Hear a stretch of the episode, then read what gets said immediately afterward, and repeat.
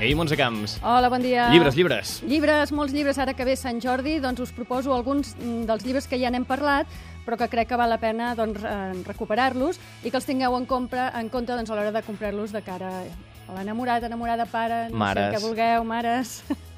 A veure, comencem amb autors estrangers que ens han visitat. Per exemple, la Melino Tom, una de les autores europees de més èxit, eh, presenta una forma de vida. Alguns crítics qualifiquen que és el seu millor llibre fins ara.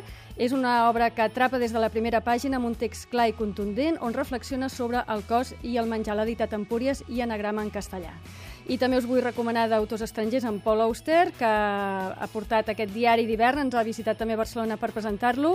Diari d'hivern, un viatge interior on repassa els seus 65 anys de vida, una vida, diu, que és com la de qualsevol altra. Autors més joves n'hi ha, també?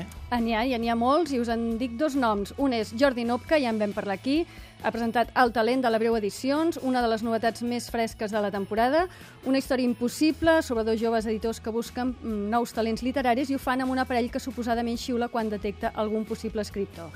Això és El talent. I també Marina Espasa, que ha presentat La dona que es va perdre, l'ha publicat en Púries, una novel·la diferent que, en certa manera, fa una revisió del clàssic Alicia, al País de les Meravelles.